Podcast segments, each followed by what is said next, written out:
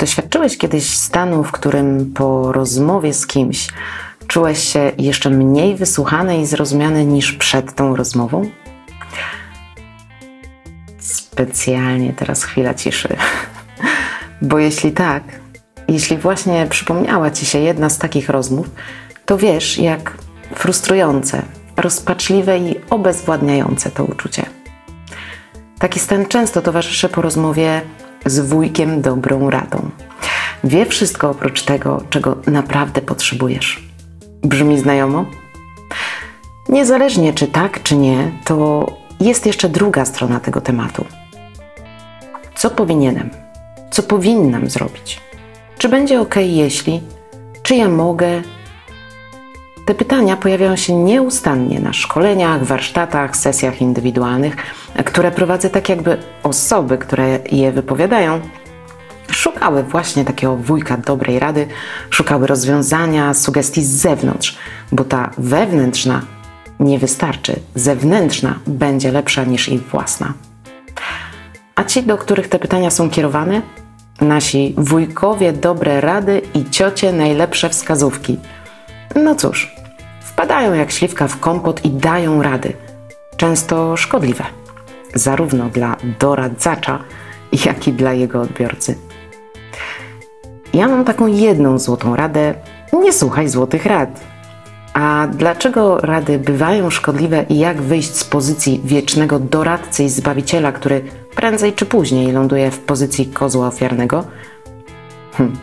Zmień gadanie na pytanie, czyli zacznij zadawać sensownie pytania. O tym właśnie dzisiaj. Wujek Dobra Rada, czyli dlaczego warto przestać dawać złote rady.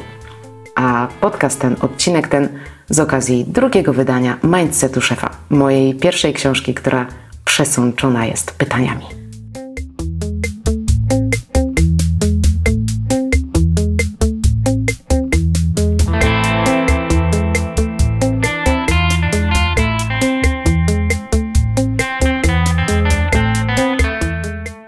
Powiedzieć, że mm, przepełnia mnie dziś e, sporo różnych emocji.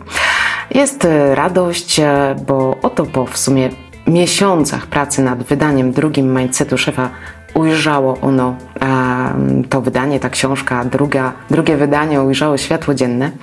Jest spokój, bo wydanie pierwsze pokazało, że ta metodologia i podejście sprawdziło się. Sprawdziło się u moich czytelników, uczestników Akademii Mindset Szefa i słuchaczy podcastu. Książka się rozeszła bardzo szybko, więc e, jestem no, w miarę spokojna o wydanie drugie.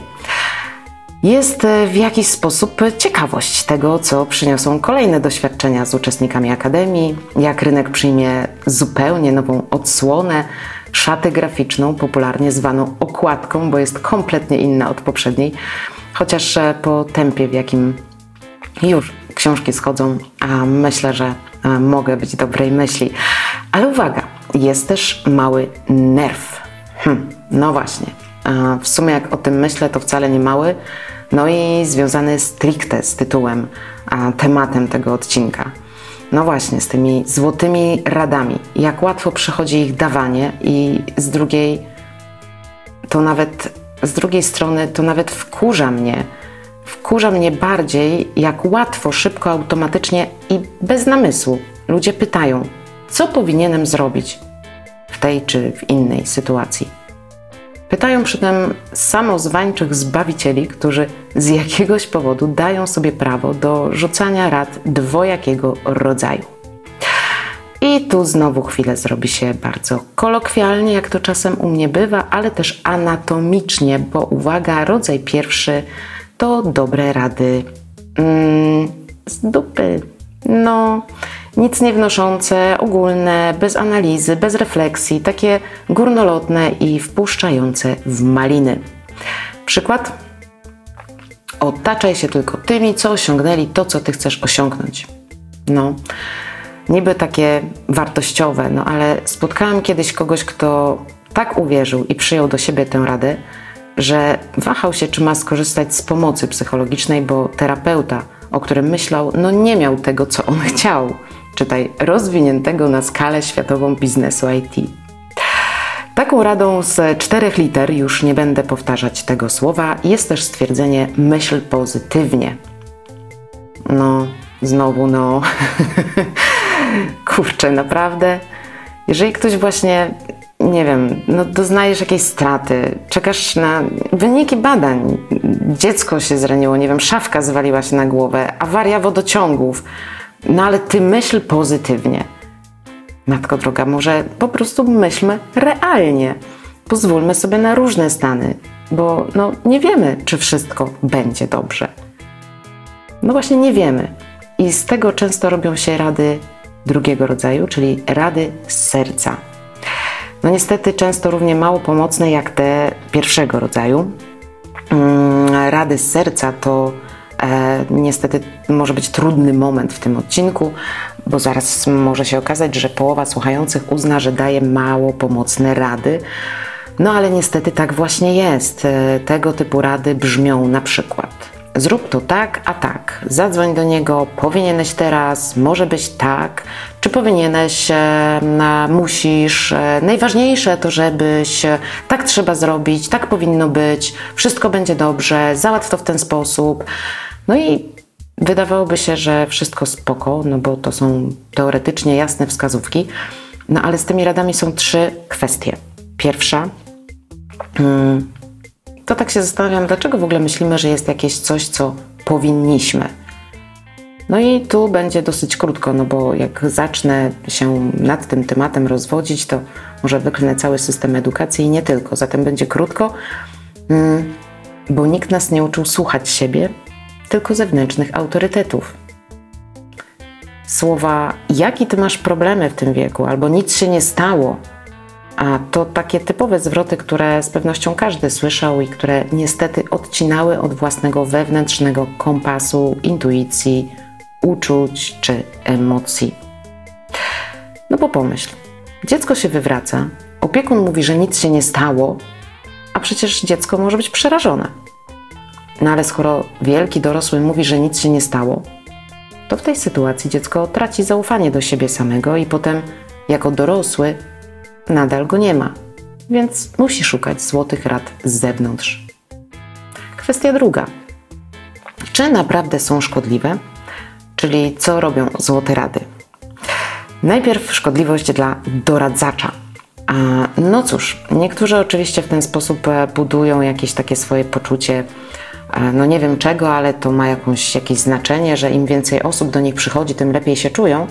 No ale skupiając się na doradzaniu innym i zaradzaniu ich problemom, no w jakiś sposób umniejszamy swoim własnym potrzebom, obsadzamy się w roli króla Salomona, wpadamy w jakąś iluzję, że ktoś oczekuje natychmiastowej pomocy, bierzemy na siebie czyjeś problemy. No bo skoro od razu wychodzisz z chęcią pomocy, nawet nie wiedząc, czego ten człowiek, który do ciebie przychodzi, oczekuje i potrzebuje, no wpadamy w nadopiekuńczość, która odbiera innym sprawczość, a pomagacza wykańcza po dłuższym czasie. Jeśli tego właśnie chcesz, no to okej, okay, nie ma tematu, ale jeśli zajmowanie się ciągle innymi zaczyna ci ciążyć, to może warto się zastanowić, jak działać inaczej. Natomiast u kogoś, kto takich rad słucha, też nie brakuje szkód. Po pierwsze, uczy się, to w sumie tak się zaśmiałam, ale to wcale nie jest śmieszne, no bo uczy się braku zaufania do siebie. A skoro tak ciągle potrzebuje rad z zewnątrz, no to z czasem traci poczucie własnej wartości, własnej intuicji, własnych rozwiązań i tego, co jest po prostu jego. Tym samym utrwala poczucie bycia niewystarczająco dobrym, no więc ciągle, jak błędne koło, musi szukać odpowiedzi na zewnątrz. Uczymy taką osobę, że zawsze dostanie rozwiązanie. Jeśli masz takiego pracownika, który przychodzi ciągle z pytaniami, a te pytania, na, na, te pytania ciągle odpowiadasz i dajesz gotowe rozwiązania, no to będzie on przychodził częściej. Wzbudzamy poczucie wręcz obowiązku traktowania nas jak autorytet. Więc e, skoro ty jesteś autorytetem, to nie przyjdą z pomocą, kiedy ty będziesz takowej potrzebował bo wychodzisz na kogoś, kto wszystko wie, niczego nie potrzebuje. No i wzmacniamy brak samodzielności. Jeśli ktoś ma takie uwarunkowania, no to będzie przychodził co chwilę o radę. Ale jeśli masz e, wśród swoich współpracowników, może nawet znajomych, kogoś, kto jest trochę bardziej wewnątrz sterowny, no to zacznie po prostu unikać takiego doradzacza. No i jeszcze jedno zjawisko, nazywam to przychodzi ofiara do ofiary.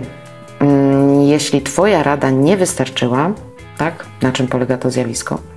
Jeśli Twoja rada nie wystarczyła albo przyniosła negatywne skutki, to uwaga, z wybawcy wylądujesz w roli kata, a docelowo może być, że kozła ofiarnego. No i te wszystkie gry i zabawy pomocowe prowadzą do tego, że nie wytrzymujemy z emocjami, a przyjemności z relacji jakby coraz mniej. Bo, no jak to kiedyś powiedział jeden z moich trenerów, jest pomaganie i pomagactwo. jak to odkręcić? Jak temu zapobiec? Mm, odpowiedź nie jest jednoznaczna, jest wielowymiarowa, ale no tak pomyślałam sobie o tej relacji dorosły-dorosły, która jest jedną z podstawowych wartości mindsetu szefa i treści, które, które tworzę. No, jakby tak traktować siebie i innych jak dorosłych. To nie znaczy agresywnych, to nie znaczy biernych, to nie znaczy ignorujących. To oznacza ludzi, którzy wiedzą, czego chcą, na co mogą się zgodzić, na co godzić się nie będą. Bo przecież w końcu dorośli ludzie przychodzą do pracy. Dawaj ludziom i sobie wybór jeżeli masz takie wewnętrzne poczucie przymusu od razu pomagania, to może warto popracować z tym, skąd to się w ogóle wzięło. Dzięki temu samodzielnisz siebie i innych. No i bądź blisko swoich emocji. No i jak to często mówię, najłatwiejsze do powiedzenia, a trochę trudniejsze do zrobienia. Mm, widzę to no w zasadzie każdego dnia, bo te cztery rzeczy relacja dorosły-dorosły, dawanie ludziom wyboru, samodzielnianie i kontakt z własnymi emocjami to cztery główne wartości mindsetu szefa, o których piszę w książce, o których pracujemy, nad którymi pracujemy na Akademii Mindset Szefa. No ale jeśli w pierwszej kolejności przestaniesz gadać, zrobisz taką stop klatkę, będziesz się zastanawiać, co się w ogóle dzieje i jak ty w ogóle chcesz zareagować, no to już będzie połowa sukcesu. Więc zarówno kiedy szukasz rozwiązania lub gdy ktoś przychodzi po złotą radę, zmień gadanie na pytanie. Dzięki temu dasz sobie naprawdę chwilę na rozeznanie się w temacie, co się w ogóle dzieje. Dookreślisz, co jest dla Ciebie ważne w tej sytuacji i na ile ona w ogóle Ciebie dotyczy. Możesz przede wszystkim dajesz sobie szansę dowiedzieć się, czego ta druga strona faktycznie od Ciebie oczekuje. A dużo, dużo, ogromnie dużo więcej na temat pytań, usamodzielniania, dawania wyboru i w końcu dojrzałości w relacjach ze współpracownikami jest w mindsetie szefa. Zapraszam, jeśli jeszcze go nie masz, w różnych formach i wariantach. Oczywiście zapraszam do wersji drukowanej na monikaryszko.com mindset szefa. No, to jeśli dosłuchałeś, dosłuchałeś do końca tego odcinka, to pytanie, czy no może jakoś się wkurzyłeś na to, co mówiłam, jakoś tak, nie wiem, jakieś emocje, coś tam zadrżało, może nawet podejrzewasz, że jestem przeciwnikiem rad no to nie tak. Rady średnio faktycznie mi się kojarzą. Natomiast zamiast rad są sugestie, refleksje, alternatywne scenariusze, czyli wszystko, co poszerza percepcję, tak aby rozmówca mógł wziąć odpowiedzialność za to, co finalnie zdecyduje. Moi klienci oczywiście na początku współpracy, mm, co niektórzy doznają takiej lekkiej frustracji, że nie daje gotowych rozwiązań, tylko w mniejszym lub większym cudzysłowie zmuszam ich do myślenia i wczuwania się w ich własne potrzeby. Natomiast po czasie zaczynają to mega doceniać, bo w końcu mogą działać w zgodzie ze sobą. Co oznacza coś najpiękniejszego i jednocześnie najtrudniejszego w dorosłości wzięcie odpowiedzialności za własne doświadczenia. O tym jest mindset. Fu, jeszcze raz. O tym jest mindset szefa i o tym są moje treści. Także zapraszam Cię serdecznie i do usłyszenia w kolejnym odcinku.